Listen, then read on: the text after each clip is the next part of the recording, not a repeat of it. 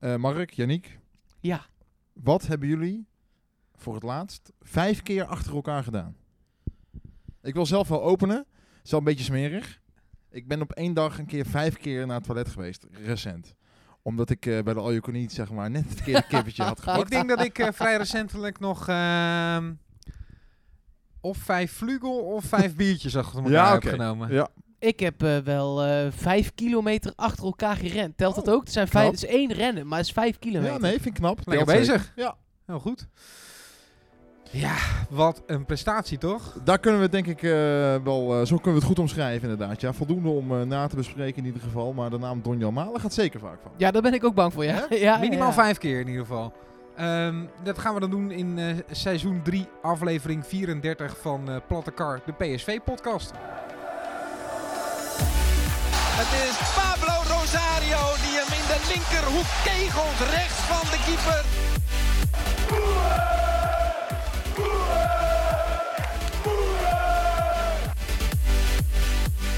Daar is dat jaren van Lozano dus heel erg goed. 2-0 voor PSV. Luc de Jong komt er binnen uit de voorzet van Brenet.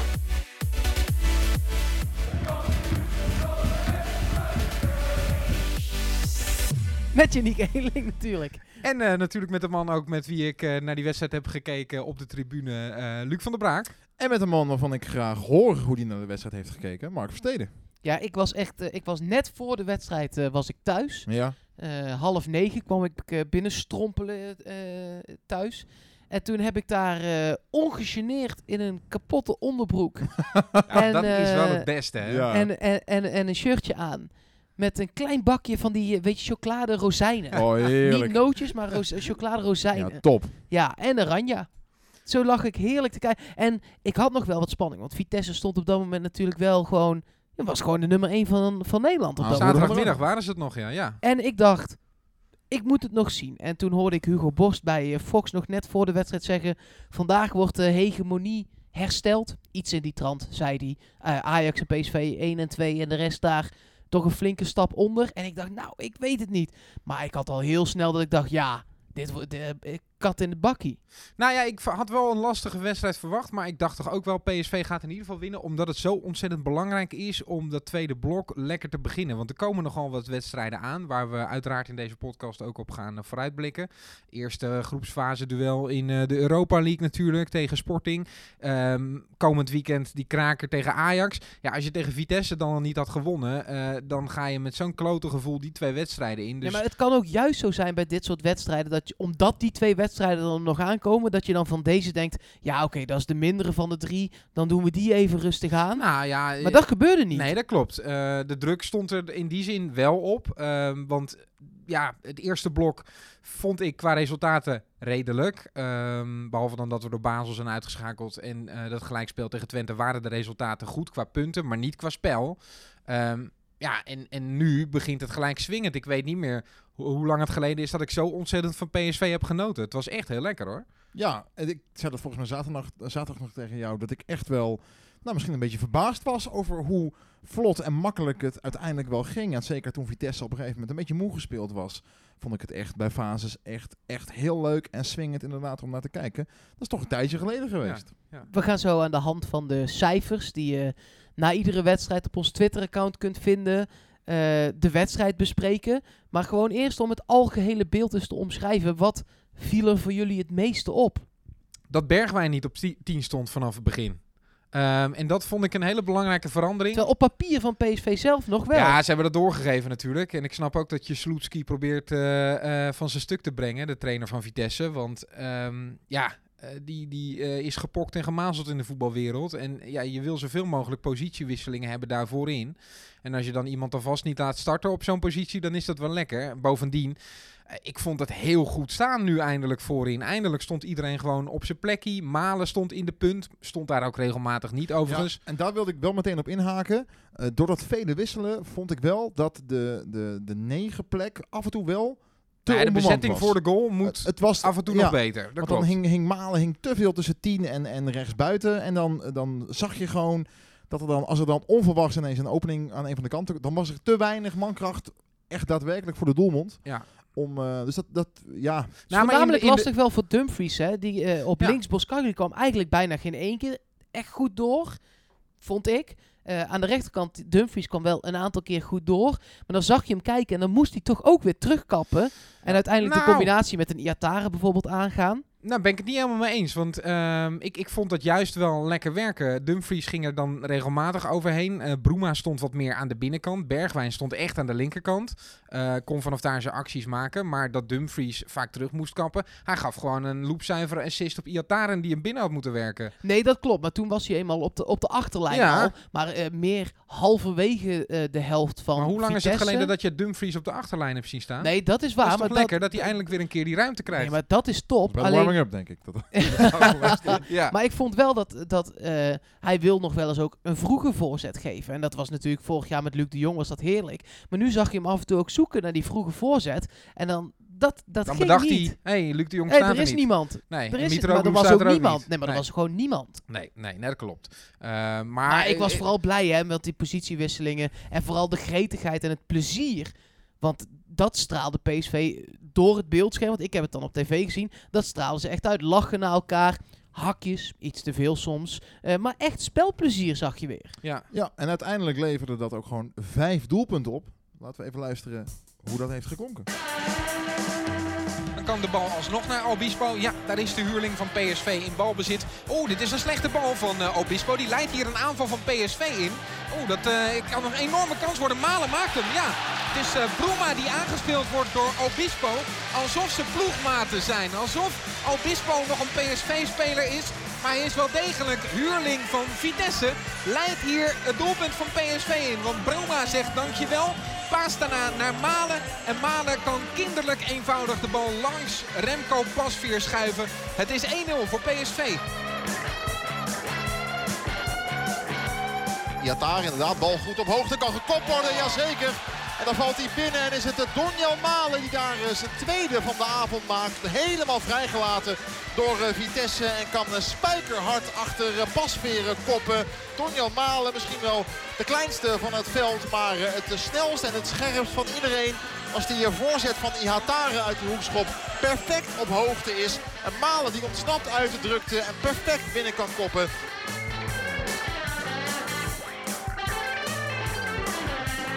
Donjan Malen was de grootste ster van eh, de eerste helft met twee doelpunten. Hij heeft de tweede helft in gang gebracht. Iatare gelijk op jacht naar de 3-0.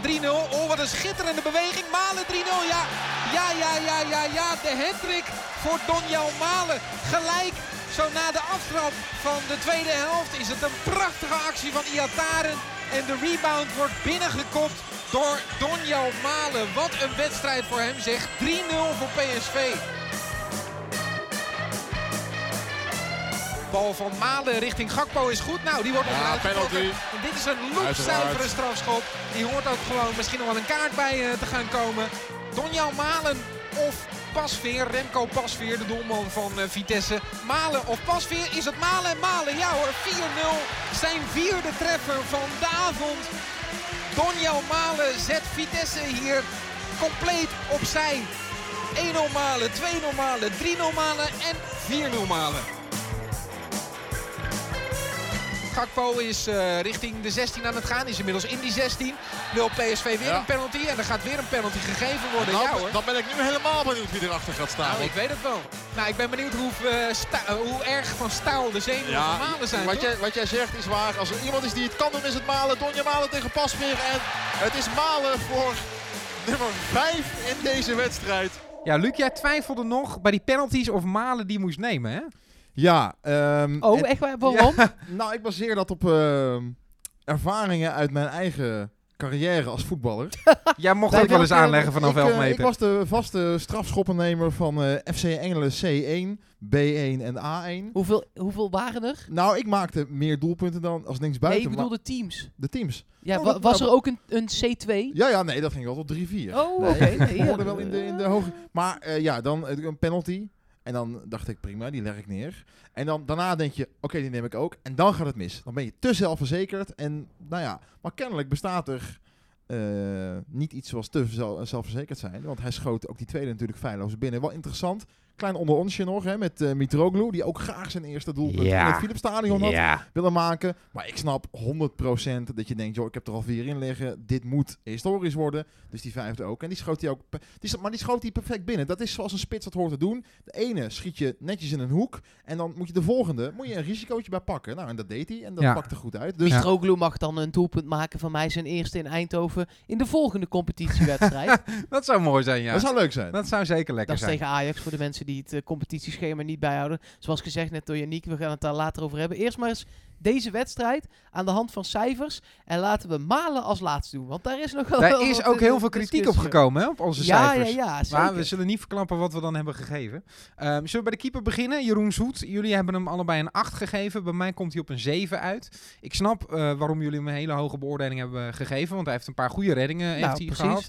Stond uitstekend te keepen. Eh, na de wedstrijd hadden Luc en ik het er ook nog over dat het wel lekker is dat, dat Zoet zich heeft herpakt. En dat je niet meer bang bent dat Zoet onder de lat staat. Dat had ik aan het begin van het seizoen wel. En zeker eh tweede helft vorig seizoen. Zo'n beetje alle ballen vlogen erin hè, in, die- in die fase. Nou ja, het is zelfs even over Oenerstal gegaan. Nog Nou een ja. paar weken geleden. Dat, was, Ja. dat is toch voor het eerst in tijden dat hij weer even ter, nou ja, ter discussie staan is misschien een groot woord, maar dat er op zijn minst niet, dat hij standaard werd ingevuld. Het was niet meer de eerste naam die je zomaar even En op papier... Ik eh, denk echt dat dat 100% te maken heeft gehad met, of in ieder geval voor een groot gedeelte heeft te maken met het feit dat hij nog een jaar in Eindhoven is. Ik denk dat hij zich dit eh, seizoen, deze zomer, echt had verheugd, slash voorbereid op ook een transfer, zoals bijvoorbeeld Luc de Jong. En dat dat misschien toch echt wel even heeft meegespeeld van, joh, straks weer eh, uit naar AZ, hel maar iets te noemen. Dat is dan nu Den Haag, maar goed, je begrijpt wat ik bedoel.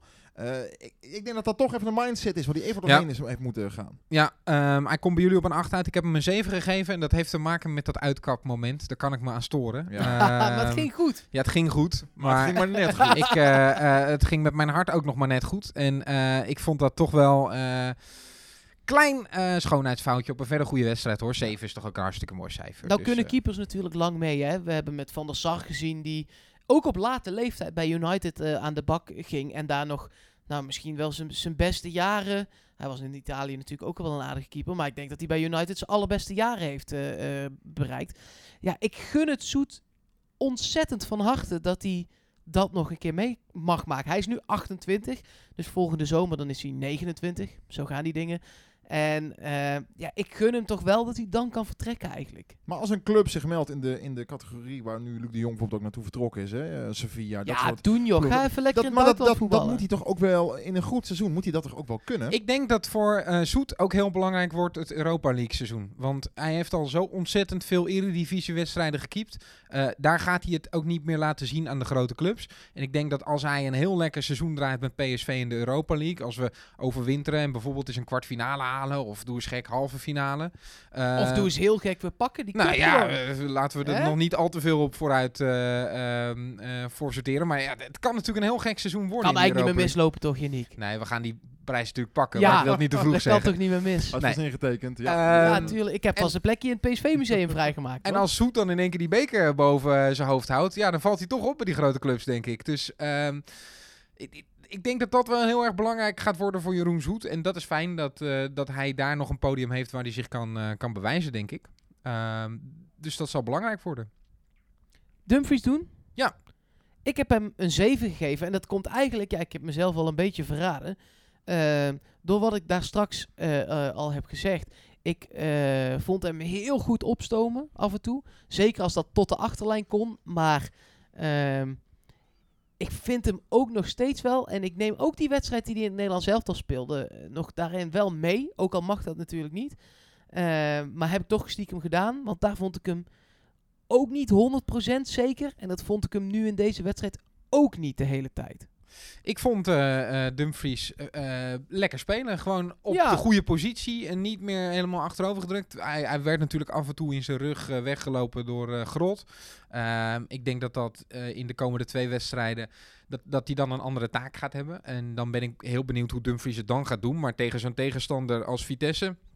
En dat gaat nog in he- heel veel eh, wedstrijden zo zijn. Dat je eh, lekker vrijuit over die back kan denderen. Dan is Dumfries gewoon een hele fijne speler voor PSV. Ja. Ik een 7, jullie allebei een 8 voor de duidelijkheid. Ja, puikenwedstrijd, eh weinig twijfel en gewoon inderdaad weer eh ouderwets eh, werk gezien van Dumfries. En goed, ik vind het wel interessant om, om na te denken over of hij nog ja, in, in welke zin hij dan zou kunnen gaan groeien dit seizoen. Het is ook voor hem ook een seizoen waarin hij gewoon nog stappen moet maken. In Wat is de belangrijkste stap die er dan nog moet maken? Ja, Ja, dat Stabiel worden. Ja, dat denk ik ook. en zijn verdedigende kwaliteiten gewoon. Ja, maar ik weet niet, dat zag je bij Willems ook. Ik weet niet of, ik denk dat hij ook daar zijn top wel in heeft bereikt. Maar dat heeft een, Denk je dat hij niet beter kan? nou, ik denk dat hij op zijn top wel beter kan. Eh, maar ik denk dat hij, net zoals bijvoorbeeld een Willems of een Marcelo van eh, eh, Real, dat hij nooit een echte pure verdediger Nee, gaat maar dat was. Arias ook niet. En Nee, die vond nee, ik klopt. verdedigend wel veel beter toen hij vertrok bij PSV dan hoe die aan het begin aan die recht. Tuurlijk, je kunt daar beter in worden. Maar ik denk dat Dumfries het voornamelijk moet gaan hebben. En dat is in de top tegenwoordig helemaal niet zo erg. Sterker nog, dat wordt van je gevraagd. Ik denk dat zijn aanvallende impulsen en zijn kracht en zijn, zijn kopkracht ook, want hij kan echt goed koppen, eh, dat dat hem verder gaat helpen. Niet per se het verdedigende. Dan komen we in het centrum van de verdediging. Baumgartel, die hebben wij eigenlijk unaniem eh, een 9 gegeven. En Dat is een heel hoog cijfer voor een centrale verdediger. Ik eh, denk dat hij de pech heeft gehad dat Donjan Malen op het veld stond. Anders was hij echt bij far the man of the match. Wat een beestachtig goede partij speelde hij. Matas had het minste balbezit van alle basisspelers. Hij had toen hij gewisseld werd, toen hij eruit ging, 14 keer de bal geraakt.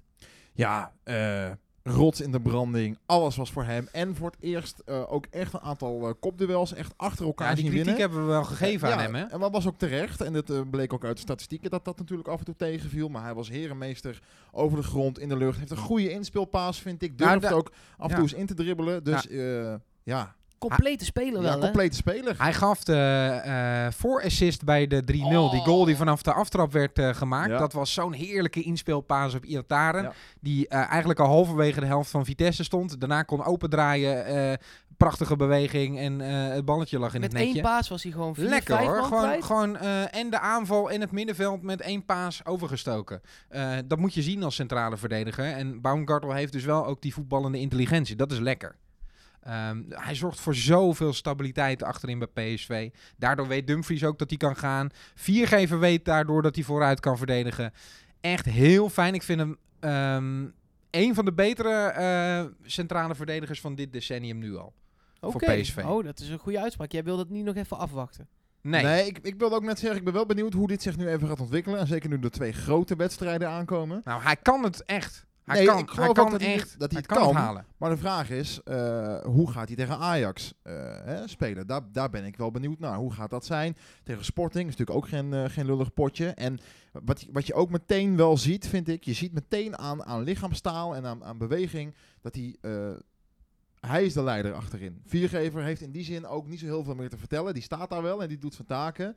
Maar Baumgartel zet wel de lijnen uit en, en, en bepaalt wat er gebeurt. En dat is wel een heel natuurlijk overwicht. Wat hij wel meer heeft nog dan Swaap, vind ik. In ieder geval in deze wedstrijd. Swaap had dat ook, maar op een andere manier. Omdat hij voetballen natuurlijk gewoon meer tekort komt. Of, of minder heeft, maar net hoe je dat wil uitdrukken. Ja, maar Schwab is meer de aardige jongen waarvan, eh, van Ja. wie iedereen het wel pikt als hij iets tegen je zegt. Bij Baumgartel staat er echt iemand, ja, hè? maar het is wel lekker om dat nu te hebben. Want dat had je dus met Swaap en Viergever eigenlijk maar half-half. Ja. Goed gescout dan.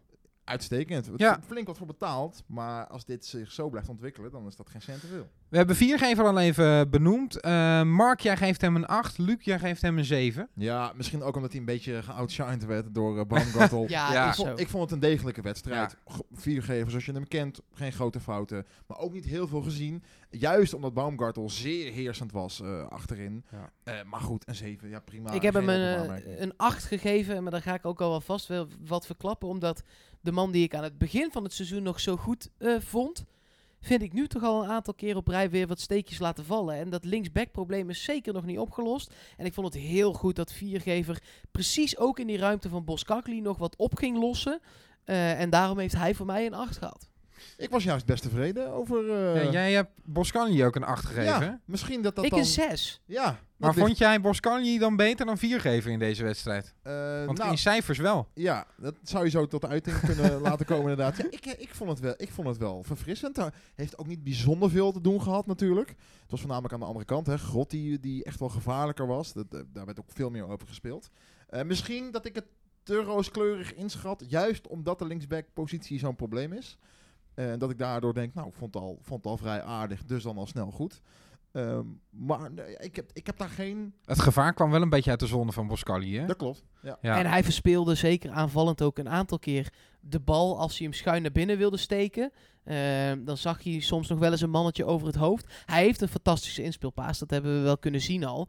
Ehm, maar hij legde daar nu wel af en toe zoveel risico in, dat ik dacht, oei, oei, oei, want hij is gewoon Ja. de man die dan dat gat niet meer dicht kan lopen. Nee, Nee. het was ook bewijsdrang, denk ik ook. Hij gaf wel een paar keer een goede wisselpaas. Dat vond ik wel mooi. Een balletje over de hele richting Dumfries of Rosario als die daar stond. Dat vind ik ook wel verfrissend. Dat Want is wel overzicht. als PSV eh, zo met variatie eh, op posities wil spelen, dan komen er aan de zijkanten natuurlijk eh, eh, gasten vrij te staan.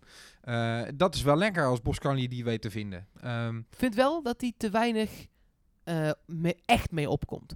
Dat hij daar aan de linkerkant, want je had het over Bruma, die dan wat meer naar het midden speelt. Dat doet Bergwijn als links eh, buitenspeler of Iatare natuurlijk ook. En ik vind wel dat hij daar nog wel wat meer uit nou kan ja, halen. misschien dat het ook wel deels eh, een opdracht was van, eh, van Mark van Bommel. Omdat ze ehm, tegen eh, een Vitesse speelden met ehm, twee spitsen, maar ook eigenlijk twee buitenspelers. Zij speelden 4-4-2 met twee hoogspelende buitenste middenvelders.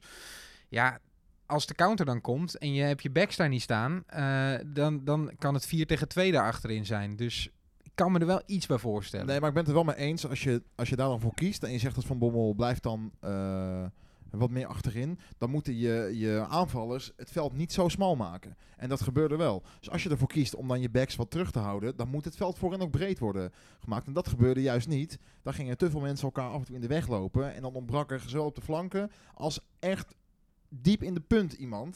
Dat, ja, zijn we hebben dingen, geen echte linksbuiten natuurlijk. dat zijn wel dingen die beter afgestemd Ja, Gakpo moeten ook, worden. maar ja, speelde niet zijn beste invalbeurt. Nee. Ehm, dan komen we bij het middenveld. Eh, Rosario speelde eh, voor mijn gevoel een betere wedstrijd dan die afgelopen wedstrijden heeft eh, gedaan. Het is nog steeds niet de beste middenvelder die PSV heeft. Nou, het is nog steeds niet de beste versie van Rosario zelf. Zeker.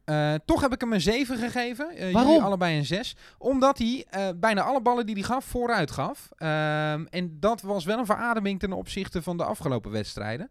Ehm, en ik heb hem ook nog wel eh, wat extra credits gegeven voor die fantastische bal die hij van de lijn haalde.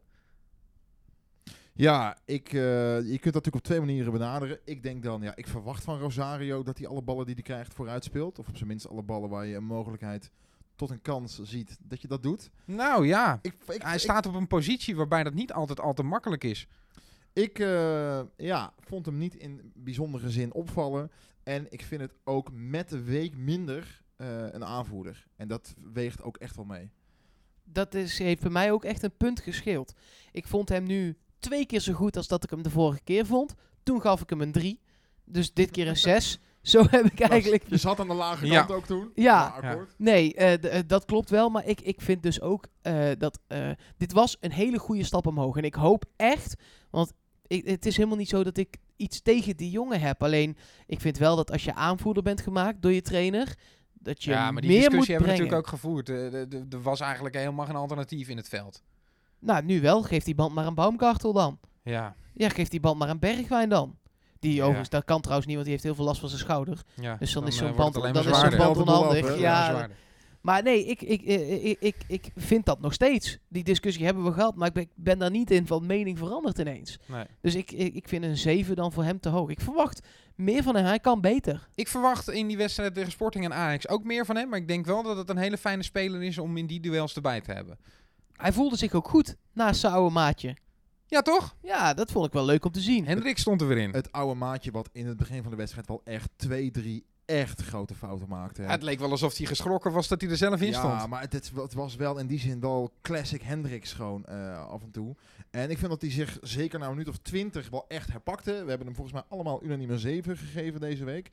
Ja, gewoon degelijk, gewoon goed. Staat er als je hem, als je hem nodig hebt en als je op hem rekent. Maar wel een paar slippertjes. Positief ding. Hij schoot een bal Op tussen, goal! tussen de palen. Nou, dat hebben Ja. we nog nooit meegemaakt. Maar ook, ik vond dus van hem ook heel opvallend. Hij speelde ook heel veel vooruit. Sorry, ik zit nog Ja. even na te lachen over het feit dat hij een bal uit de tweede lijn Ja, op goal wist. eh. Vorig jaar vaak gezegd, hè. het is gewoon niet zijn. Nou, jij riep op de tribune tijdens het commentaar, Luc, riep jij niet schieten. Oké, dat heb ik misschien geroepen, ja. Ja, terwijl de mensen die eh, achter de goal zitten willen graag dat hij schiet. Ja, zijn bal mee naar huis nemen. Souvenirtje. ja. Eh, ja, we, ja, daar hebben we echt heel vaak lacherig over gedaan. Dus, ja, maar eh, hij heeft ook echt heel vaak... Hij kan beter gaan rugbyen wat dat betreft. Ja, Hij jankt die bal wel eh, tussen de palen over het doel, zoals bij American Football. Dat kan niet wel. ja maar- waar, moet, je- waar moet je hem anders neerzetten bij zo'n corner? Maar gewoon, Ja, gewoon gewoon eh, naast Zoet. ja, laat hem die corners nemen. Ja, nou ja, Iataren die nam ze aardig, toch? Ja, dat is wel weer waar. Ehm, maar goed, Maar de- laat, hem dan, laat dan verder, Hendricks... Maar waarom gaat Hendricks dan niet bij de keeper staan, bijvoorbeeld? Bij de keeper van de tegenstander bedoel Ja, je? ja, ja, Oh. ja, nee, ja, bij Zoet Ja, was bij een grapje. dat zei je net al. Ja, maar dat ik denk, was een waarom? Ik Nee, dacht, je, je gaat nu serieus je eigen nee, maar daar gaat, nu vaak, nee, daar, daar gaat nu vaak een spits staan. Laat die dan op de 16 staan. Want zo'n Broema of een Malen of een Bergwijn Ja. hebben natuurlijk een beter schot. Geen gek idee. Eh, zou kunnen. Eh, in ieder geval vond ik het, vond ik het ik, heel gek, maar ik vond het wel lekker om Hendricks weer eh, op het middenveld te zien denderen en, en zijn mouwtjes opstropen. Het is wel altijd wel iemand die, die gewoon maximaal ervoor gaat. We weten ook, eh, dat gaat nooit de meest grandioze speler worden, maar ja, ik vind het wel prima om Hendricks weer op dat middenveld te zien hoor. Je zag er zeker inderdaad na 20 minuten niks meer van dat hij baalde dat Bologna was Ja, het toch uit mijn hoofd. eh, uiteindelijk niet echt is eh, gekomen. En niet heeft doorgedrukt in ieder geval. Aan hem merk je niet dat hij daar nog ontzettend van baalt. Zal er van balen, maar dat merk je niet. Nee, nou ja, goed dat hij weer een alternatief is als, als er eentje van die twee van het verdedigende blok eh, niet bij was. Eh Guti, voor de duidelijkheid, heeft een middenhands beentje gebroken. Kan eventueel wel gaan spelen met iets van eh, bescherming daaromheen. Ehm, maar ik kan me voorstellen dat een wedstrijd tegen Vitesse, met alle respect, dan niet het duel is waarin je dat gaat doen. En tegen Sporting en Ajax dat dat anders is. Ehm, dus misschien dat hij dan wel weer gaat spelen. zou me juist kunnen voorstellen, maar goed, laten we het daar straks over hebben, dat hij dan wel speelt, Hendricks, tegen Sporting en Ajax. Omdat je dan die verdedigende kwaliteiten wil hebben. Ja, Ja, zou kunnen. Zou kunnen. Ehm, ja, wie zullen we als team bespreken? Want eh, Bergwijn stond er niet. nee, op Zullen we papier wel. Iataren maar doen dan. Ja, dat is goed. Ehm, Wij zijn over zowel Bergwijn als Iatare redelijk eensgezind, dus die kunnen we ook gewoon in één Ja. pakketje eh dat meenemen. is ook wel zo. We hebben ze allebei allemaal een 7 gegeven. Uh, Iataren vond ik echt eh, een geweldige beweging hebben. Hij verspeelde naar mijn smaak in de eerste helft te vaak de bal.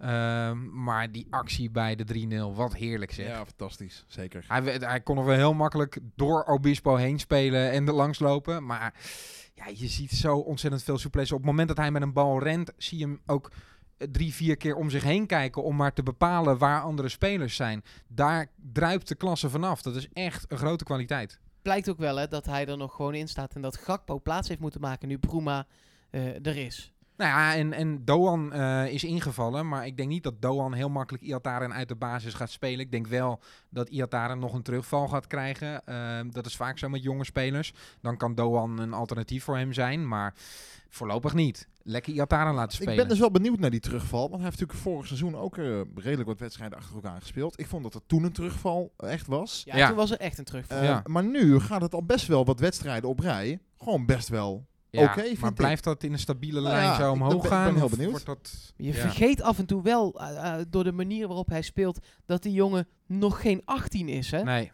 Ja, ik vind dat ook altijd lastig om dat heel vaak te benoemen. Want ik denk, ja, we moeten hem gewoon beoordelen als speler en niet op zijn leeftijd. Dat maar snap er ik wel, maar da- dan zit er dus nog Er rek zit in. nog wel heel veel groei in, ja. Ja, zeker. maar dat is eng als je hem ziet Ja. voetballen Ja. en je bedenkt je dan dat daar nog heel veel rek in ja, zit. dat is lekker. Ehm, ik ben heel benieuwd hoe wij eh, tegen de 33ste, 34ste speelronde over hem eh, spreken. En hoe goed hij dan is. Wat zou de komst van Afellay eh Alles. doen?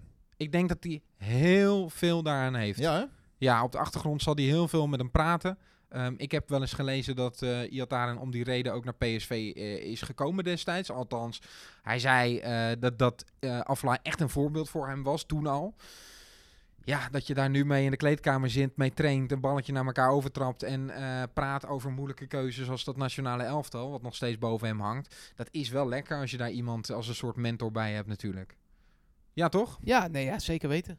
Ehm, Bergwijn, eh, een 7. Hij eh, startte vanaf de linkerkant. Ik vind dat nog steeds zijn gevaarlijkste positie. Dreigend wel, hè? Heel dreigend. Ja, nog eh, absoluut niet zijn allerbeste wedstrijd. Maar hij kwam daar veel beter tot zijn recht dan die nummer 10 positie. Nee, raakte toch? ook, een beetje geblesseerd. Hij had echt wel last van die, eh, van die arm. Ging daar twee keer door zitten. Misschien dat hij daardoor ook eh, ja, zich niet helemaal eh, lekker voelde. Ik zag ook mensen die zich verbaasden over het feit dat Van Bommel hem wisselde. Maar ik ben er eigenlijk vanuit gegaan dat dat puur Ik Voor- verbaasde me erover dat hij zo laat werd gewisseld. Ja, Ik ook. want ik dacht dat het uiteindelijk gewoon voorzorg was. Van joh, je hebt last van je arm, eh, kom er maar af. Hè, we staan, eh, Ja, dat Ja, maar dat ook. gesprenkje op de zijlijn. Ik ben toch benieuwd wat daar nou is gezegd. Want hij stond eh, eh, oh, op een was gegeven moment aan tv de niet kant. te zien. Hij stond aan de kant. Van Bommel die gaf hem nog even een duwtje in de rug. Van joh, Ja, ga nog maar even. Dat gesprek duurde echt inderdaad maar drie seconden. En vervolgens liep, zag je Van Bommel weglopen met de arts. En daar werd een onder onsje, eh, was, hield Dat daar plaats. zo van, nou ga dan... eh, Precies. eh, Hebben ze dan wij- met wij die die van Bommel hebben dan tegen elkaar gezegd, hij stelt zich een beetje aan. Nou ja, ik wil die bewoording niet Nou, dat- gebruiken. ja. Maar het zag er wel, het zag er in die zin ja, wel vreemd Wat uit. kun je in drie seconden zeggen? Kun je eigenlijk door of wil je misschien toch gewisseld worden? Ik kan wel door. Oké, ga maar. D- Meer Zo kan je zal dan het- niet zo zal het gegaan zijn. Maar toen hij erin stond, wel gewoon weer alles gegeven. Ja, Ging- zeker. Ging ook gewoon weer duels aan hè, met, Ja. eh, met body erin. Dus, dus prima. Ja, wat je zegt, Janiek. eh, aardige wedstrijd, niet zo allerbeste, maar gewoon. Ja, ik, ik had het eh, voor de wedstrijd met Janiek. We liepen naar het stadion. Had ik het erover dat ik toch nog steeds heel benieuwd ben. ehm, naar hoe Bergwijn op die 10 is gekomen. Of dat Van Bommel eh, deze zomer ergens op het strand heeft gelegen. En ineens pling, een ingeving in zijn hoofd kreeg. En dacht, ik ga dat proberen. Of dat er gewoon gesprekken zijn gevoerd met Bergwijn. Ook eh, in verband met die contractverlenging. Ja. En waarbij Bergwijn heeft gezegd: joh, allemaal leuk en aardig. Ik wil best bijtekenen, maar dan wil ik wel het gaan proberen op Dat- 10. En ik vind die wijziging van het rugnummer. Dat, ik vind dat toch Kijk, iets wij, zeggen. wij hebben het hier al eerder over gehad. Toen kwamen wij met z'n drieën eigenlijk tot onze conclusie dat dat laatste het geval is. Dat Bergwijn zich daar toch wel echt in heeft gemengd. Ook inderdaad dat rugnummer heeft gekregen. Dus dat dat wel echt eh, deels in ieder geval ook uit Bergwijns koker komt. Ja. En maar ik ben heel benieuwd of het dan nu ook uit Bergwijns eigen koker komt om te zeggen... Dit was hem dan toch niet helemaal. Ik kan me dat wel voorstellen, want het is heel verstandig eh, als Bergwijn en als management van Bergwijn zijnde om toch die jongen aan de zijkant te hebben. Want ik Je denk dat hij daar. positie toch? Ja, ik denk dat hij daar uiteindelijk ook bij een grotere club veel beter tot zijn recht gaat komen. Ik denk niet dat eh, pak een beetje Liverpool, eh, Arsenal nu zoiets heeft van... Ja, die gaan we als nummer 10 een keer halen. Ehm, hij kan misschien wat vaker in het spel betrokken worden op die positie. Maar het is niet zijn beste positie. En dan kun je hem beter beoordelen als hij wel op zijn beste plek staat. Vanuit PSV is overigens gecommuniceerd dat dat uiteraard dat rugnummer in samenspraak is eh, gegaan. Ja, we zullen het nooit weten. Nou ja, ik zeg het ook voornamelijk omdat. ehm, ik baseer het ook op het feit dat het rugnummer 7 van Pereiro bijvoorbeeld kennelijk niet heilig is geweest. Want dat heeft Bruma dan aangevraagd bij zijn komst en heeft dat gekregen.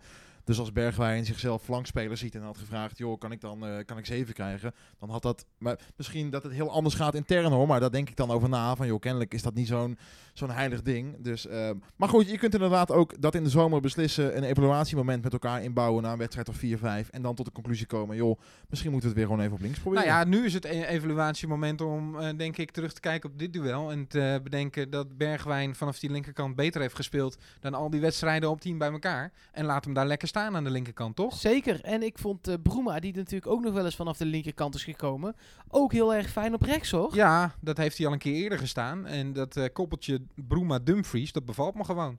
Ik eh, heb eh Bruma een 8 gegeven, jullie be- allebei ook. Hij creëert kansen. Hij heeft souplesse in zijn spel. Het lijkt eh, soms, als je zijn snelheid ziet, lijkt het een beetje een soort Romeo Kastelen, eh, domme draver. Maar zoveel voetbal zit er bij die jongen in. Ja, en, eh, en inzet en wil werken. En ik was ook eh, nou ja, gewoon blij, verrast om te zien dat zo'n jongen gewoon die bal wil afgeven. Hè, die die in zijn, in zijn schoot geworpen krijgt van eh, Obispo. Natuurlijk moet hij die afgeven. Maar ja, er zijn er ook vijf van de tien die het niet doen en die hem zelf inschieten. Dus vond het van klasse getuigen. En eh, dat brak toch wel de band. Dus eh, nee, prima wedstrijd. En ik vind dat hij, natuurlijk ook een aardig centje gekost. Maar ik vind dat hij tot nu toe, ik zeg niet dat hij meteen Lozano zal doen vergeten. Maar ja, zeker, valt zeker in positieve zin op, toch? Ik denk dat we eraan toe zijn om... eh, Nee, nee. Hier zijn we nooit aan toe. Jij zei net, eh Yannick, dat er, wat, eh, dat er wat kritiek ook was eh, op de cijfers. Wat Ja. voor kritiek was dat dan precies? ehm, ik, er- ik moet trouwens weg. er kwam... Ik heb het heel, het is, ik, is het al zo laat? Nou, Nou, maar ik ben wel heel benieuwd, want je hebt je hier nu toch z- ja, zeker een uur of twintig op kunnen, kunnen Je voorbereiden. bent wel optimistischer, Mark, dan de rapporteur van de Telegraaf. Dat wil ik je meegeven. oh, wat had die Malen gegeven dan? 8,5. Ja, mooi. Veel PSV'ers met zes ook, geloof ik, toch? Bij de Nou, aan de andere kant, als je een 8,5 afrondt, wij geven alleen hele cijfers. Dus misschien heb jij wel hetzelfde gedacht als Ja. die Telegraaf-rapporteur, Markie. Jij geeft hem een 9, hè? Ja. Waarom? Omdat hij een keer over heeft geschoten? Jullie geven hem allebei een 10. Oh, maar- maar heel even voor de, voor de, voor de eh, eh, volledigheid. Ik geef Malen een 9. En dat is met de hele simpele conclusie. Ik doe niet aan tienen. Nee. Nou ja, dan zijn we snel klaar, toch? Ik doe niet aan Tine en wij geven alleen maar ronde getallen. En eh, Dus ik doe een- niet aan Tine. Als iemand een 9,6, 9,7 negen. haalt, is het een 9 in Ja. de optiek. 9,5 past niet in ons plaatje. Maar ja, wat verwacht je dan nog van een spits van PSV? Niks, maar ik doe niet aan Tine. Maar moet je dan niet dat veranderen en aan tiener gaan doen? Nee, Oké. Ik heb mijn principes en daar hou ik aan vast. Nou, Oké. ja, het Maar wat wel, is er mis met een 9? Had ik op school al niet heel vaak hoor. het zag er wel lelijk uit in het plaatje, Markie. Twee keer 10 en dan die ene 9 van jou daarnaast. Nee, ja, ik, eh, hij zit dicht tegen de 10 aan. Hij scoort natuurlijk dik een 9,5. Vijf keer scoren, dat is zo vaak nog niet gebeurd. Passing was goed, 85% ja, maar succes. hij heeft ook wel een aantal dingen niet goed gedaan. T- Een 10 is voor mij echt, dan heb je in de hele wedstrijd nul fouten gemaakt. Ja, ik snap wel wat je zegt, eh, maar in, voor mijn gevoel had hij een 9,8 of een 9,9. Hij, natuurlijk heeft hij dingen verkeerd gedaan. Hij heeft een keer een bal overgeschoten. Hij heeft wel eens eh, niet in de punt gestaan waar dat wel moest. Eh, maar als iemand vijf keer scoort, als hij zulke stalen zenuwen heeft bij die tweede penalty. ehm, Ik ja. denk niet dat, er, dat je een speler in de eredivisie, van welke club dan ook, ooit een foutloze wedstrijd gaat zien spelen. Daarom doe ik niet aan Tine. Dus als de maatstaaf is dat je een... een- Was vroeger op school toch ook niet zo dat je een 10 kreeg en als je dan één fout had, dat je nog steeds een 10 kreeg? Nee, Nee. dat, dat ben ik, dat ben ik met je eens, maar ik vind wel een spits die... die maar vijf had jij geen afgeronde cijfers op je rapport, Mark? Nee. En zeker niet 10. Maar ook niet. nee, maar je had niet eh, als het komma 5 was. Dat nee, het dan, dat is uiteindelijk een keer bij de eindexamens is dat een keer gebeurd. Ja, want daardoor, Vooruit, haal- misschien wordt zijn jaarcijfer dan een 10. daardoor haalde ik altijd Dat een 5,5. kunnen. En Ja, dan werd ja, het eh, zelfs het, wat het mooie was, als je bij ons 5,46 haalde, dan werd dat afgerond naar, op een tiende naar 5,5 en dat was dan een 6. Ja, ja, ja. ja, Dus eigenlijk kon je nog onvoldoende staan en dan werd het nog een voldoende, snap je? Ja, Maar eh, daarom geef ik Malen een 10. Natuurlijk was het Maar dat niet, mag niet ook. helemaal Kijk, foutloos, eh, maar eh, geweldig, in, toch? een- in een plaatje waar je alleen hele cijfers kunt gebruiken, ontbreekt natuurlijk totaal iedere nuance die er ook maar kan En daarom zijn. zijn we hier. En ja, precies. En daarom maken we ook de podcast bij het plaatje. Laten we het dan omdraaien. Eh, we maken natuurlijk het plaatje bij de podcast. Maar ja, ik vond het ook wel leuk, al die reacties die daarop kwamen. Eh, eh, eh, wat moet hij dan nog meer doen? De wereld redden? Nee, tuurlijk niet. Dit is een dikke 9,5. Misschien Jij zei dat 9,7. iedereen een broodje kroket had moeten Broodje, geven. broodje hamburger. Iedereen op de tribune een broodje hamburger. Dan wil ik erover nadenken. Dure grap. Ja, maar ja, in de PSV-podcast. Maar goed. Ja. Je Eh, moet er iets voor over hebben, Janiek. Uiteindelijk is het gemiddeld dan een 9,7 geworden. Als je onze drie eh, cijfers Nou, dat klopt wel ongeveer, toch? middelt van elkaar. En dat is een uitstekende, uitstekende prestatie. Ja, prestatie die sinds 1964 geloof ik eh, niet meer... Ja, eh, je hebt het opgezocht. Die vijf goals, ja. Ja, Ja, ja, ja. Eh, in het betaald voetbal twee keer eerder. Eh, in totaal zes keer eerder. Ja, Ehm, maar ja, ongelooflijk. ongekend. Net geen 7. Hè? Ja, Alfonso, Alves, Ja, die blijft toch record. altijd weer in de berichten opduiken als het over eh, zulke mijlpalen gaat. Hè? Ja, Niet gek ook, toch? Nee. des te belangrijker dat het nu rondom Malen gewoon goed neergezet wordt. En dat je daar je vorm vindt. Want de jongen is natuurlijk in de bloei van zijn leven met een interlanddebuut. Een doelpunt tegen Duitsland. En een week erop een vijfklapper eh, hè, voor PSV. Ja, dit, dit, als je dit nu goed georganiseerd krijgt. En je bent nu zeker van wat je wil. Ja, dan, dan, dan heb je een waanzinnige voorhoede natuurlijk. Ik, Kijk- ik, nee, eh, Nou, ik, voor het duel ehm, wist ik niet zeker of eh, zowel Bergwijn als Bruma een hele wedstrijd kon spelen. Die waren natuurlijk, hadden wel wat pijntjes gehad in de afgelopen duels. En toen dacht ik, eh Iataren eh, was natuurlijk sowieso een optie. Maar ik dacht, moet Mitroglou niet na zijn eh, eerdere duels nu in de basis gaan staan tegen Vitesse? En voor mijn gevoel heeft dit duel wel bewezen dat we Malen voorlopig lekker even in die punt moeten laten staan. En daar hebben wij, ook wij hier en ook ik, wel echt over getwijfeld. Ik heb daar zeker over getwijfeld, ja. En ik heb zelfs beweerd dat hij beter tot zijn recht komt aan de zijkant. Nou ja, eh, en, en het is mooi dat hij nog steeds die variatie in zijn spel heeft. Dat hij niet alleen maar vanuit de punt komt. En daar moet je er dus op letten dat er wel bezetting voor de goal is. Ehm, maar Malen voelt zich wel als een vis in het water daar. eh, als hij vanaf het centrum kan beginnen. Want zo zegt hij het zelf. Hij zegt niet dat hij in de spits staat. Hij begint vanuit het centrum. Dus Ja. ja. dat lijkt me ook hoe je het moet benaderen. Ik heb nog wel een stelling ook hierover. Wat heeft hem uiteindelijk beter gedaan? Was dat die week met Oranje? Of was dat toch zijn contractverlenging? Die week met Oranje. Ja, denk ik. Dat geeft zo'n ontzettende zelfbevestiging. Dat PSV met hem door wilde. Dat wisten we natuurlijk al de hele zomer. Maar dat dat nu rond is, is ook wel een soort last die eraf valt. Ja, maar hij, wist zelf te- hij heeft er zelf zo vaak gezegd dat het rond zou komen. En ik denk ook echt dat dat zo was. Dus En de clubs eh, waren er echt wel die het eventueel anders hadden willen overnemen. Dus ik Ja. denk niet dat dat, dat had heel erg even gespeeld. Nee, hij heeft natuurlijk een waanzinnige week gehad met iets wat hij al lang wilde bereiken. We hebben de, de berichtjes op social media ook gezien. Malen als, als achtjarig jongetje in een PSV-shirt. Dus eh, nee, ik denk dat dat zeker eh, voor het grootste gedeelte te wijten is aan het feit dat hij zo'n lekker weekend achter de rug al had. Wat is Koeman een fantastische trainer, hè? En wat heeft hij een lekker materiaal? Maar, dat is is ook het wel dan? zo. maar die kwam, uit, die kwam natuurlijk van niks. Nee, maar die heeft echt het perfecte instapmoment gekozen. Want hij was natuurlijk toen ook al in de race toen Hiddink het eh, werd. Wat goed dat hij dat niet heeft gedaan. hè? Ja, dat is uiteindelijk. Hij wilde heel graag doen. Hij was zelfs boos dat hij het niet werd. Maar wat is het voor hem ook lekker geweest eh, dat eh, Koeman en Blind het daarvoor helemaal hebben geruineerd. Ja. En dat je vanuit die ruïnes met dit materiaal kunt gaan bouwen. Ja, maar ik vind het ook heel, heel fijn dat Koeman ook een blik op PSV heeft. Als, dat is wel eens minder geweest in het verleden bij bepaalde bondscoaches. Eh, maar Zoet zit erbij, Luc de Jong zat er altijd bij, Rosario heeft er een tijdje bij gezeten, Dumfries, Bergwijn, Malen nu. Eh, ja, ik vind dat toch lekker. En dat, dat deze lichting, waar een aantal PSV'ers toch eh, voor vast onderdeel van uitmaakt, sommigen zelfs in de basis, eh, in mijn ogen een hele goede kans op een eindzege ergens een keer gaan maken. Ja. Eh, het moet nog maar gebeuren. En dat In ieder geval in deze groep. Ja, precies. Ja. Nee, ja, Ja. Maar, eh, maar ook eh, eh, op, op latere toernooien zie ik dit Nederlands elftal wel ver kunnen komen. Ja. Er zit van alles in. ja, heel leuk. En eh, laten we hopen dat Malen daar een belangrijke rol in kan, kan spelen. Totdat eh, de trainer van Barcelona er over vier maanden uitgaat. En ze tegen Frenkie de Jong zeggen, Ja. Frenkie, weet jij nog iemand? En dan rijdt er toevallig een trein tussen Zeist en Barcelona. Dat, dat eh, Koeman echt de trein, daar is hij een meester in.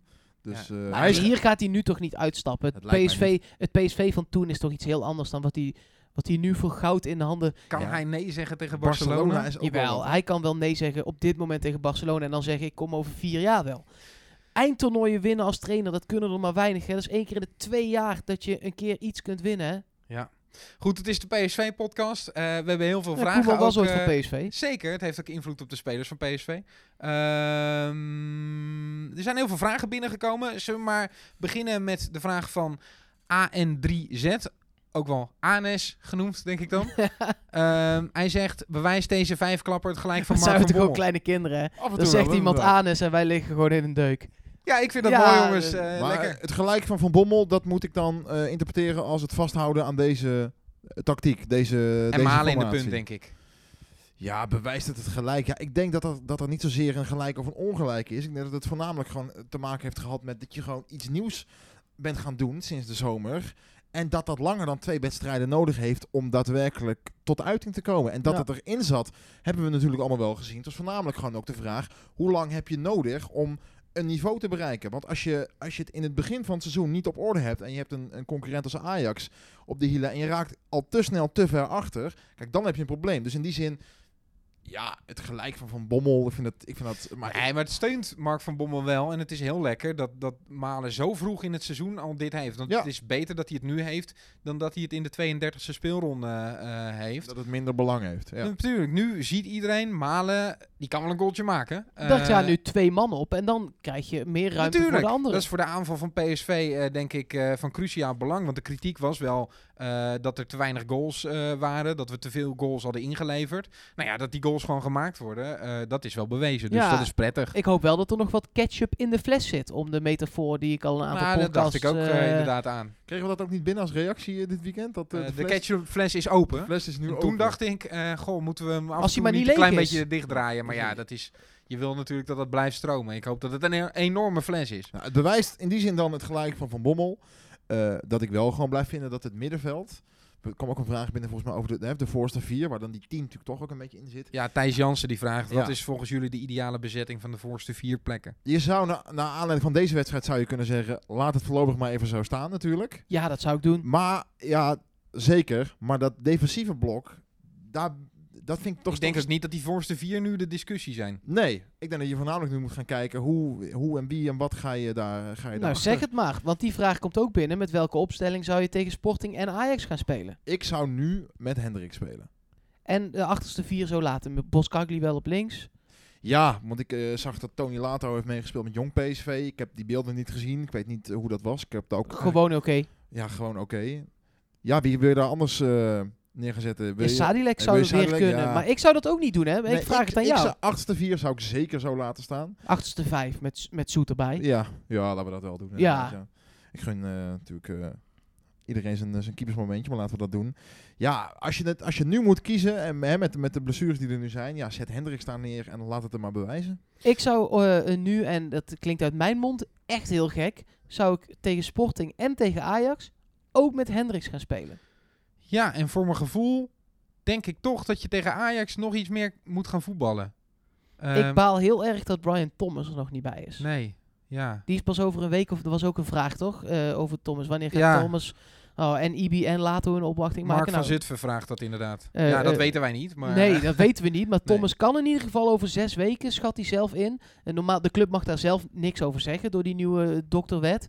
Maar hij zegt zelf dat hij over een week of vier tot zes, dus laten we uitgaan van zes op zo'n lang traject, ja, weer kan spelen. En dan zal hij ook rustig worden gebracht. ik denk dat Lato en Ibi ergens pak een beet eh, Groningen thuis hun minuten gaan maken. Die misschien gaan, al een eh, keer een Die invalbeurt. zijn al fit genoeg. Ja, misschien al een keer een invalbeurtje als het eh, spel het toelaat. Ehm, Ja, Lato wordt nu wedstrijd fit gemaakt bij Jong PSV. Eh Ibi mag daar niet meedoen. Dus die heeft echt van dat soort die heeft die oefenwedstrijden... eh, gepe- gespeeld, Ja, precies. Die heeft dat nodig om wedstrijdritme te krijgen. En als dat er eenmaal langzaam is. En maar die, zou, die gaan in ieder geval zeker niet in de basis beginnen tegen Sporting en Ajax. Wat gewoon twee belangrijke wedstrijden zijn. En zij hebben nog nul minuten in het eerste. Maar dat blok van twee, daar ga ik toch nog heel even over nadenken. Ja, ja, We komen er zo op terug als we Sporting en Ajax eh, eh, gaan eh, vooruitblikken. Maar denk je dan aan Gutierrez en Hendricks? Of denk je ook nog aan andere opties? Nou ja, moeten we Rosario misschien in plaats van Hendricks slachtofferen? Dat we in ieder geval de body van Hendricks dus willen zien en de strijd en, en het voetballende van Gutierrez. Zou kunnen, hè? Ik, ik, ik, ik filosofeer maar, maar laten we er zo even wat ja, uitgebreider dan mag je er zo zelf antwoord op geven. Ehm, er was ook veel eh, ehm, ander nieuws eh, afgelopen week. Ehm, het debuut van Doan natuurlijk. Er zaten al Japanse journalisten op eh, de tribune, zagen wij, eh, Luc. Dat, dat is interessant om, om gelijk Ja. al te zien, hè? Ja, kun je weinig over zeggen, toch? Een paar minuten meegedaan. Niet Twee keer de bal geraakt volgens mij. Ik wou zeggen, niet bijzonder eh, Nee, maar het feit dat er gelijk alweer zo'n zo'n entourage omheen Ja. eh, zit, dat doet wel weer aan Ja, Lozano we- denken. natuurlijk al vaker gehad hè, over dat er natuurlijk andere beweegredenen kunnen zijn om in hem te investeren dan puur eh, sportief. Hè. Dat er natuurlijk ook gewoon een grote markt achter zit. We weten hoe PSV daar naar kijkt eh, in Mexico en in Argentinië. Nou, in die uithoek van de wereld is dat natuurlijk ook zeker zo. Hij was zelf vooral heel blij dat hij, eh, mocht, eh, dat hij mocht debuteren. En ik las een interview met de technisch directeur van FC Groningen. En eh, Doan schijnt hem echt op een zondagmiddag te hebben opgebeld. Dat hij op, op een vrije zondag naar hem toe wilde komen. Om toch alsjeblieft te praten over het feit dat hij echt wel naar PSV wilde. Ja, dit heeft iets betekend voor de transfersom, hè?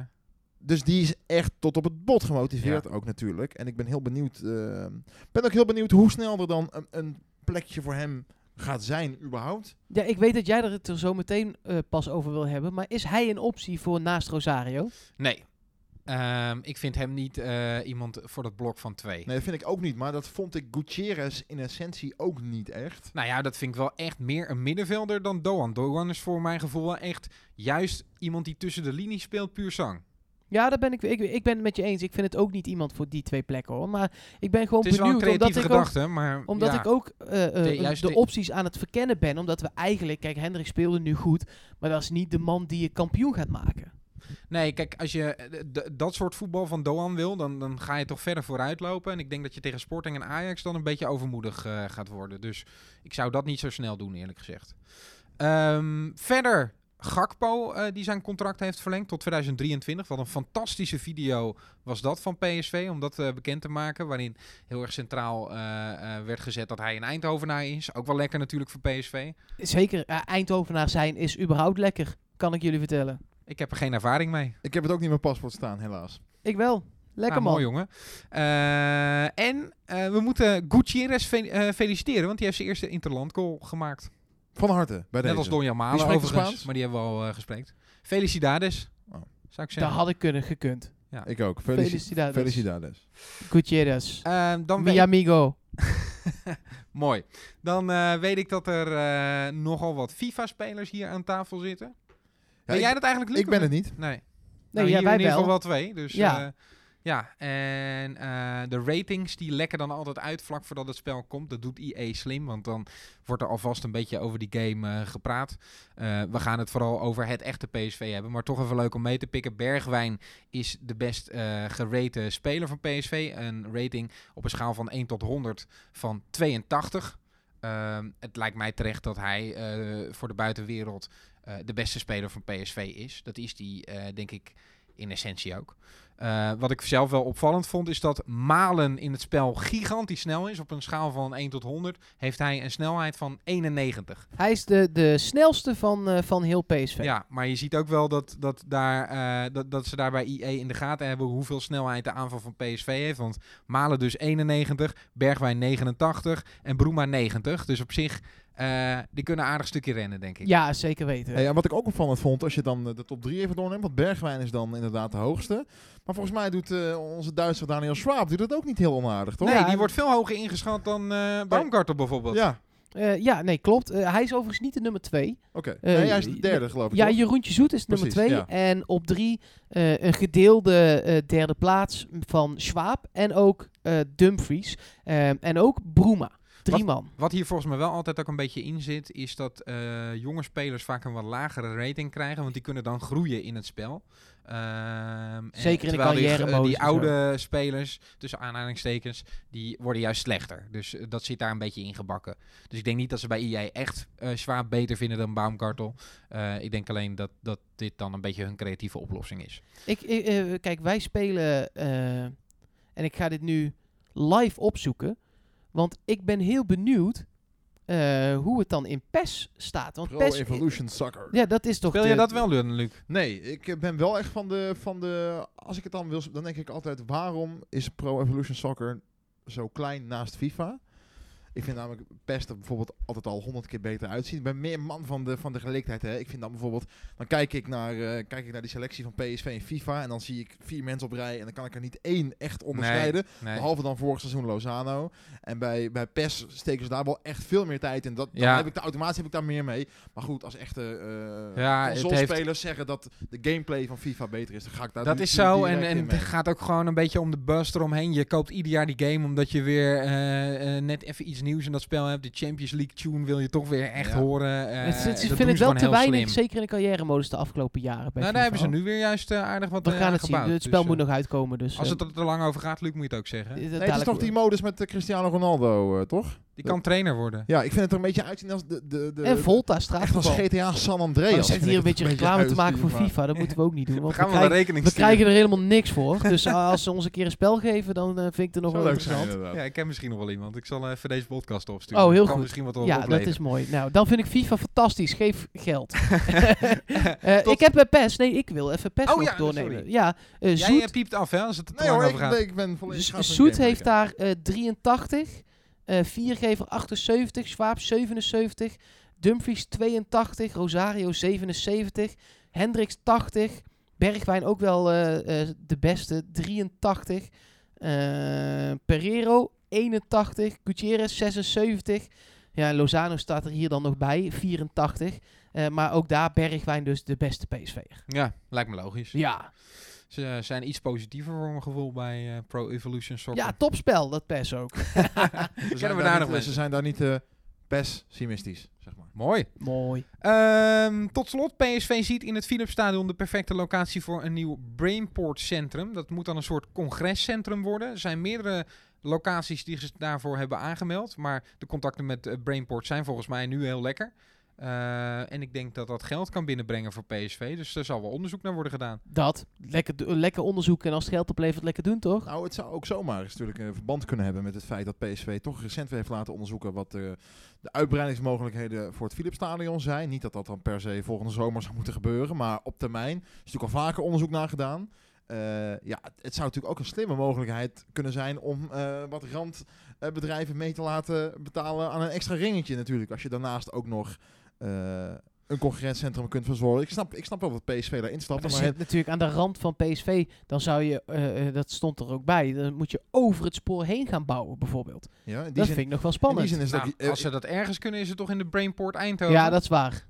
Maar ik snap het ook wel vanuit die Brainport-gedachte dat PSV denkt laten we hier volop inspelen. En hoe mooi zou het zijn als we als PSV zijnde VDL, Jumbo, Philips allemaal kunnen hosten. is ook alleen maar goed voor die, voor die binding van die sponsor. Want ik denk dat PSV dit nu gewoon zo lang mogelijk wil blijven volhouden. Want op alle vlakken straalt het eh, straalt het natuurlijk beter uit. Je ziet het aan fans die, die voor mijn gevoel veel meer shirtjes hebben gekocht dit seizoen. Staat Dan Eindhoven. voorheen. Gemeente Eindhoven die natuurlijk blij is met dat Eindhoven zo groot op die borst staat. Dus ik denk dat er heel veel dingen aan elkaar te linken zijn, waardoor dit echt wel interessant is voor alle partijen. Hebben jullie de eerste echte uitwerking die ik zag van de nieuwe sponsor toevallig ook gezien?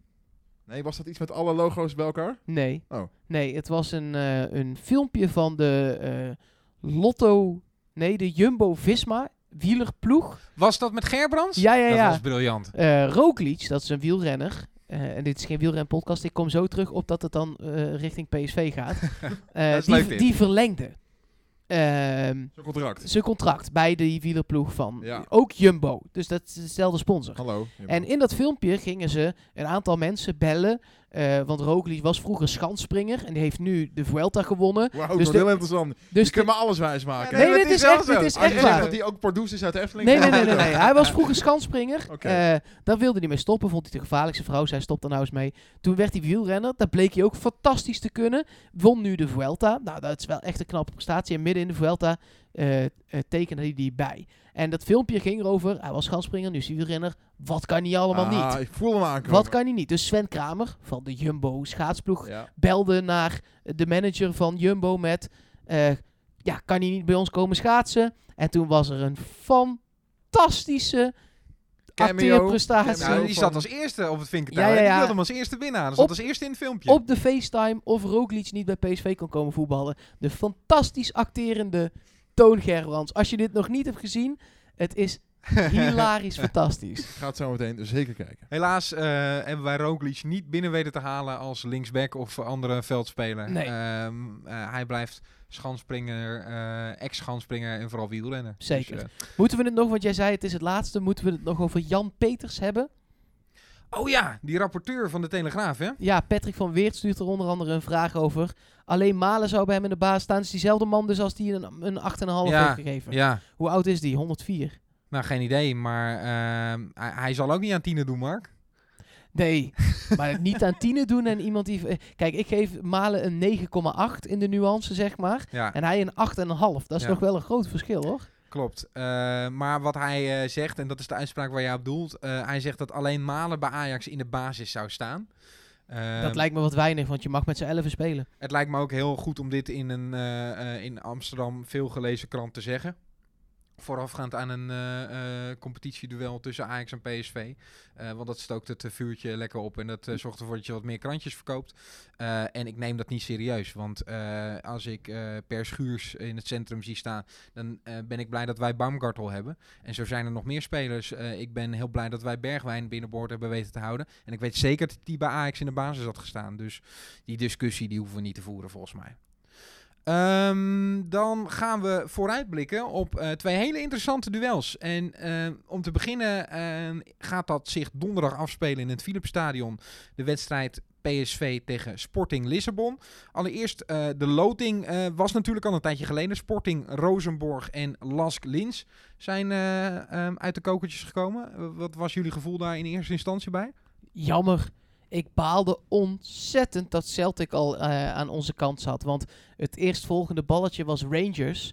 Eh, uiteindelijk gaat Feyenoord daarheen. Maar als Celtic niet aan onze kant had gezeten, dan is dat, dat, zijn- dat is Je wel... een- mooie duels ja, dat is wel een away day. Want die kun je en winnen. En het is in een fantastische atmosfeer in Schotland. Ja, Ja. dat had ik mooi gevonden. En nu, eh, ondanks, ik zeg niet dat het makkelijke tegenstanders zijn. Maar ik vind zeker, ja, Lask en Rosenborg, het, het spreekt me niet meteen aan. Nee, het zijn ook geen hele verre reizen eh, oostwaarts in, eh, in Europa. Daar ben ik dan zelf wel, wel weer blij mee. Maar het zijn ook niet eh, de meest gezellige ploegen voor mijn gevoel.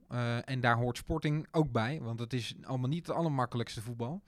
Ze kunnen heel goed voetballen hoor, maar het zijn geen hele gezellige jongens. Die Noren ook niet. En Lask Lins, daar weet ik te weinig over. Overigens kreeg ik een eh, berichtje van een Oostenrijkse podcast.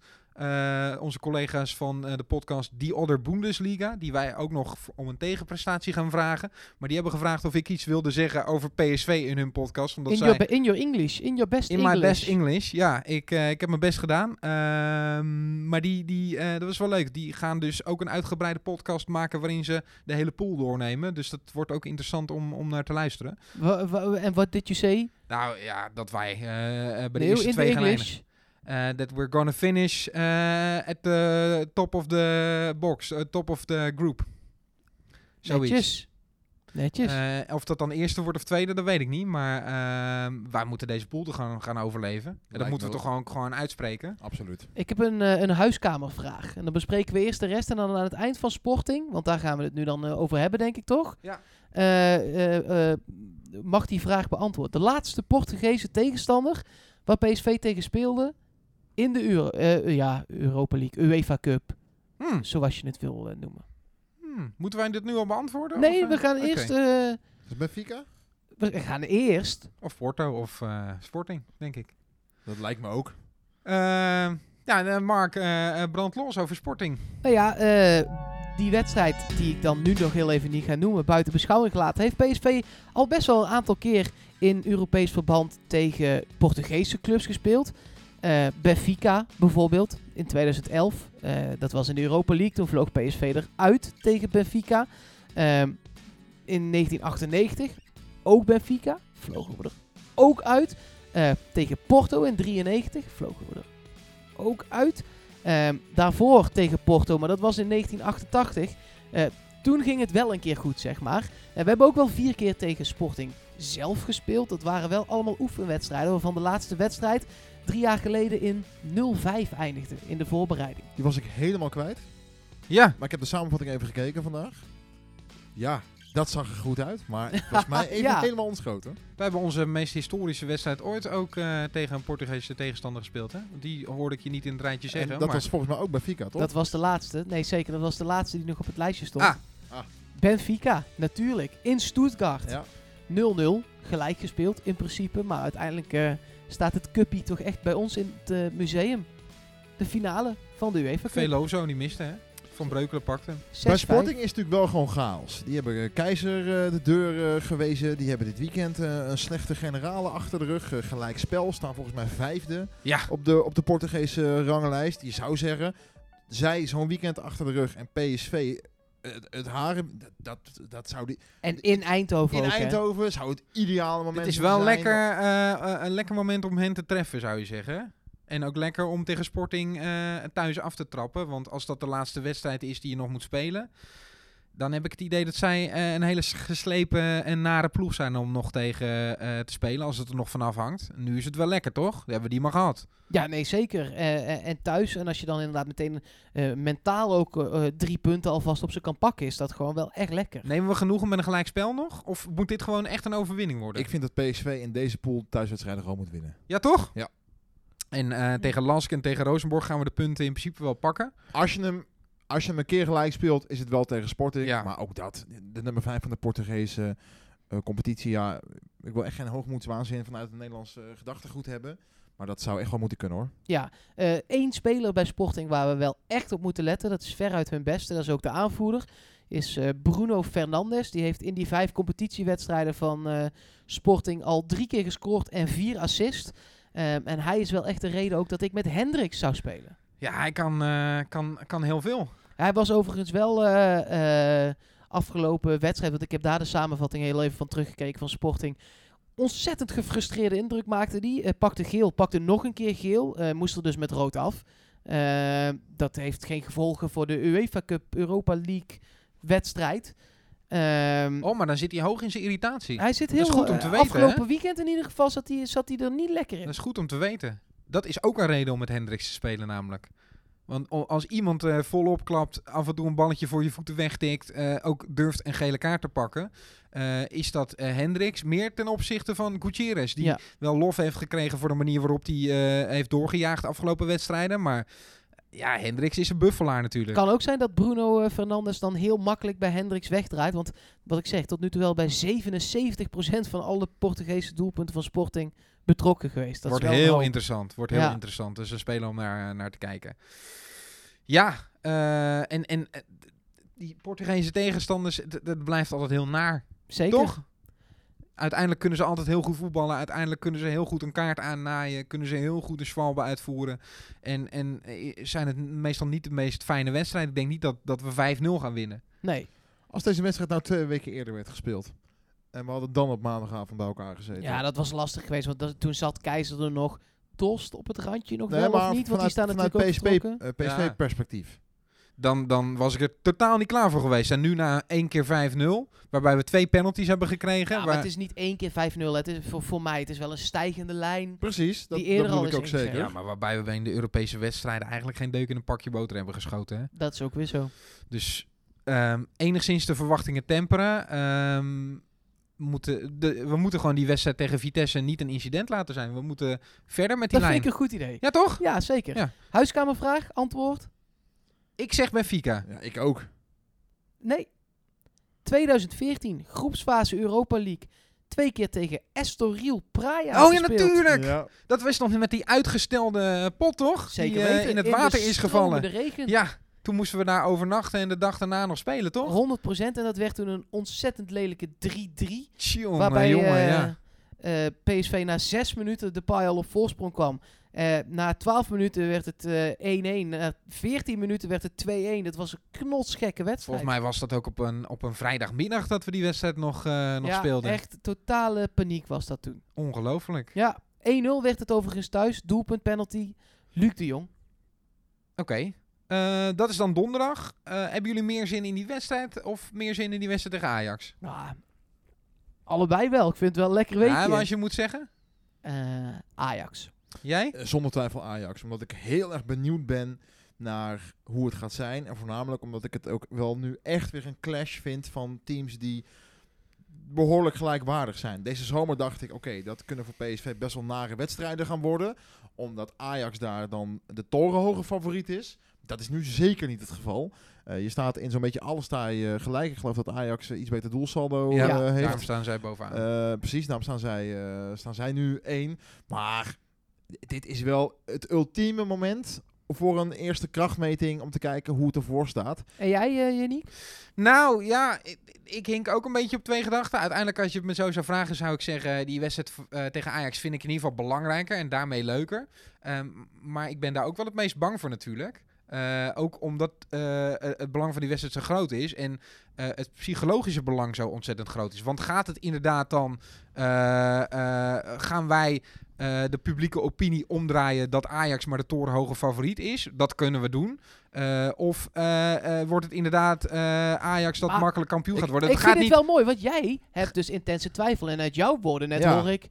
uh, Want ik heb dit dus precies andersom. Het gaat niet om deze wedstrijd. Nou, maar ik, ik heb precies andersom. Ik, ik zou juist meer vrezen voor Europees. Gezien de toch echt wel moeizame uh, route naar deze groepsfase toe. Daar, daar zou ik dan eerder huiverig ja, voor maar wij zijn. gaan toch normaal gesproken Lask en Rosenborg wel verslaan in deze Ja, pool. maar we zouden toch normaal gesproken ook met 6-0 winnen van Haugesund.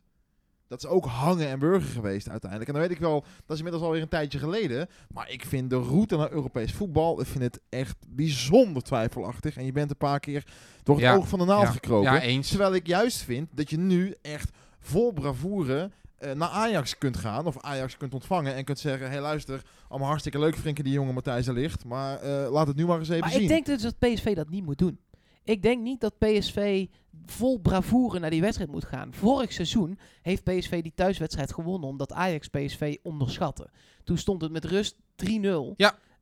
Um, en uh, ik denk dat Ajax op dit moment nog steeds ook denkt dat zij de vele betere ploeg zijn. En wij kunnen wel denken van niet, maar laat zij vooral maar denken van wel. Nee, maar ik, ik, uh, uh, misschien verwoord ik het dan verkeerd, En maar ik, ik, hun. Ik zeg ook niet dat PSV dat nu zou moeten gaan uitspreken. En dat Van Bommel nu vrijdag in de persconferentie moet gaan zeggen, nou dat komt allemaal wel goed. Maar ik, ik denk dat dat, dat dat veel minder een angstgekner is nu dan uh, hoe je het anderhalf maand geleden had ingeschat. En dan ben ik juist in Europees verband benieuwd hoe PSV zich daarop kan voorbereiden. Omdat het juist Europees allemaal wel met de hakken over de sloot is gegaan. Ik vind het gewoon niet sterk als je je moet kwalificeren uh, via een discutabele penalty tegen de nummer 5 van Noorwegen. En dan kan het anderhalf maand geleden zijn, maar ik vind het wel discutabel. Ja. Maar wat is nu je, je, wat is je conclusie? Dus ik uh, ben meer benieuwd naar hoe het tegen Sporting gaat. En ik zou, ik, ik zou met, een, met een rustiger gevoel gewoon Ajax laten komen. Dan dat ik denk, nou, dat gaat wel even lukken donderdag. Al ben ik, vind ik wel dat PSV gewoon die wedstrijd tegen Sporting zou moeten winnen. Maar ik denk dat dat een grotere valkuil kan zijn dan dat je Oké, nu Ajax ik denk dat echt andersom. Nou, oké, dat is interessant. Ja, Hoe eh, moeten we tegen Ajax maken. gaan spelen? Want ehm, moeten wij, ehm, zoals we in de arena hebben geprobeerd, het middenveld heel belangrijk maken? Moeten wij eh, eh, de volle opklappen en op de aanval gaan? Hoe, hoe moeten we dat aanvliegen? Ja, ik zou echt met Hendricks erbij terugzakken.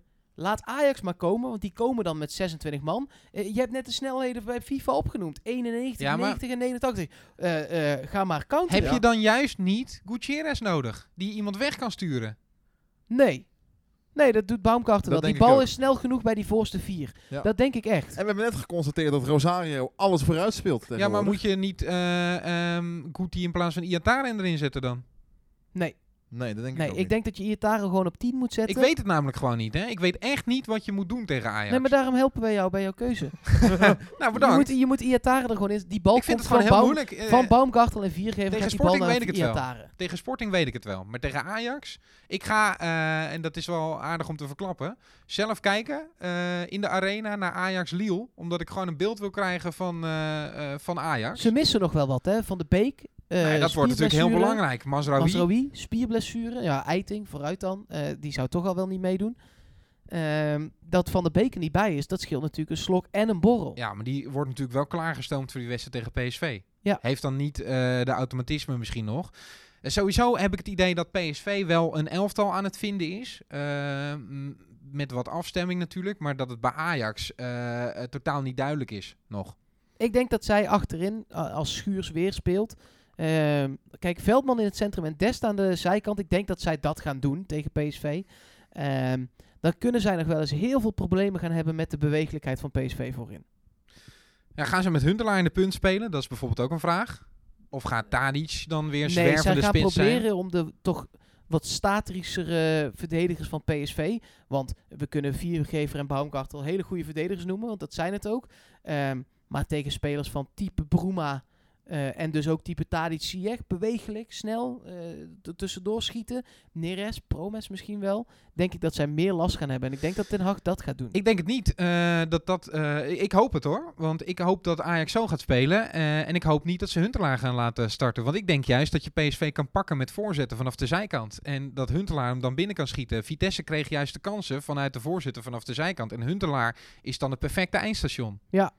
Dat is waar. Nou komen de voorzetten bij Ajax wel vaak, zeker vanaf de rechterkant, nadat er teruggekapt is. Ja, maar of door Van een Bek. Maar we gaan het zien. Ja, Interessant. heel interessant eh, pot. Eh, zo ontzettend veel eh, eh, waar ik benieuwd naar ben. Maar jij zou nog wel antwoord geven op de vraag hoe jij het in ieder geval zou doen. Uiteindelijk zou ik Hendricks en Rosario laten spelen. en Iatare. Ibi- Ja, Ja, ook omdat ik het voor zijn ontwikkeling een heel belangrijk eh, duel vind. En dat eh, mag niet doorslaggevend zijn. Maar ik gok toch ook wel een beetje op een bizarre beweging waarbij hij blind gaat laten huilen. dat zou ik heel lekker Ja. vinden. Ehm, Ja, ik mag geen dingetje meer doen, dus kom maar door met je scores dan. is dat het nu? Kom Ja, maar door met je Kom maar scores door dan. met Kom je maar door met je scores dan. Eerst Luc, jij mag beginnen. Sporting thuis eh, 2-1. Eh, Ajax thuis ook 2-1. Sporting thuis 2-0, Ajax thuis 3-2. Wordt heel spannend, denk ik. Sporting thuis. En ik ga weer kijken in Disney, hè. Was vorig jaar Oh ja, dat heeft ons vorig jaar geholpen. Ja, hè? de- deze wedstrijd zit toevallig... De, de, de Disney-run is... eh, en die doe ik ieder jaar. Dus dat, daar ben ik. Dat moet je een jaar van tevoren al boeken. ja. En eh, het is voor het eerst ooit, denk ik, dat de topper twee keer achter elkaar in precies dezelfde speelronde zit. Ik heb mijn vakantie afgestemd op dat duel tegen Ajax. Ja, maar ja, ik had al geboekt. Eh, ik zei, eh, ik wil prima drie weken op vakantie, maar niet als wij tegen, P of te- als wij tegen Ajax of tegen Feyenoord spelen. Ehm, dus eh, wij kunnen vanaf maandag weg en dat ga ik doen ook. 100% van de PSV-Ajax-potjes die ik in Disney heb gekeken, heeft PSV gewonnen. Nou, Kijk. dat is nog Dus, eens een eh, statistiek beste statistiek die je kunt hebben. Ik verwacht Sorry, ja, eh, ik ging dwars door je scores heen. Sorry. PSV Sporting 1-0. Heel lastig wordt dat. Ik denk dat die goal pas heel laat gaat vallen. En PSV Ajax verwacht ik een hele leuke pot en die in 3-1 gaat eindigen voor PSV. Ja. Had ik al gezegd dat ik dus volgende week in Disney ben? Ja. Dan wens ik jullie heel veel succes. Met zowel de wedstrijd als de podcast, als alles. Want ik ben pas eh, dinsdag terug. Ja, ik ben maandag op vakantie. Ik denk dat het een monoloog gaat worden maandag. dus eh, dat wordt gezellig. Nou, misschien dat hij iets later komt. eh, maar de, Nee, ja, jullie, gaan al- jullie zitten allebei bij de wedstrijd, toch? Nee, ik niet. Ja, ik niet. Ja, ja, ja, ik ben wel in de Eindhoven dan. Ja, daar, dit gaat hoe dan ook ooit een keer goed komen. En anders bellen we wel vanuit Disney. Dat komt goed. En Amerika. Ehm, er Amerika, komt een podcast over. Ik zit in Amerika Ja, inderdaad. geniet ervan, man. Dat gaat eh, goed komen. Ook daar ga ik eh, de wedstrijden volgen. Nog één Eh, koffiepuntenvraag. De huidige link tussen PSV en Sporting Lissabon. Poeh. Jeetje, dat is ook een goeie. Huidige link? Huidige link. tussen PSV... Nee, niet speaker, Mark. nee, nee, oh nee. Is ik, het een ik, selectielid van Sporting? Nee. Oké, dan haak ik af. Komt er iemand... Nee, Arias, Schaars. Nee. Ik Ja, heb geen Schaars idee. is eh, jeugdtrainer bij PSV nu. Toch? Die loopt mee. ja, Ex-speler maar- van, Porting, Nee, van Sporting. eh, eh, Goed Pas. antwoord. Bruma. Ja, natuurlijk. Oh, nee, ja. Jeugdopla- ja, ja, ja. Jeugdopleiding Ja, ja, ja. genoten. Daar doorgebroken. Spreken aardig Leuk duel Portugees voor hem. natuurlijk nog. Wij hebben Ja. niet van Sporting gekocht, toch? Nee, van Leipzig. Ja, precies. Nou, leuk duel. We hebben hem in eh, Portugal opgehaald natuurlijk. Goed, eh, donderdag het duel PSV tegen Sporting. Zondag PSV tegen Ajax. Laten we hopen dat het een hele, hele, hele mooie week gaat worden.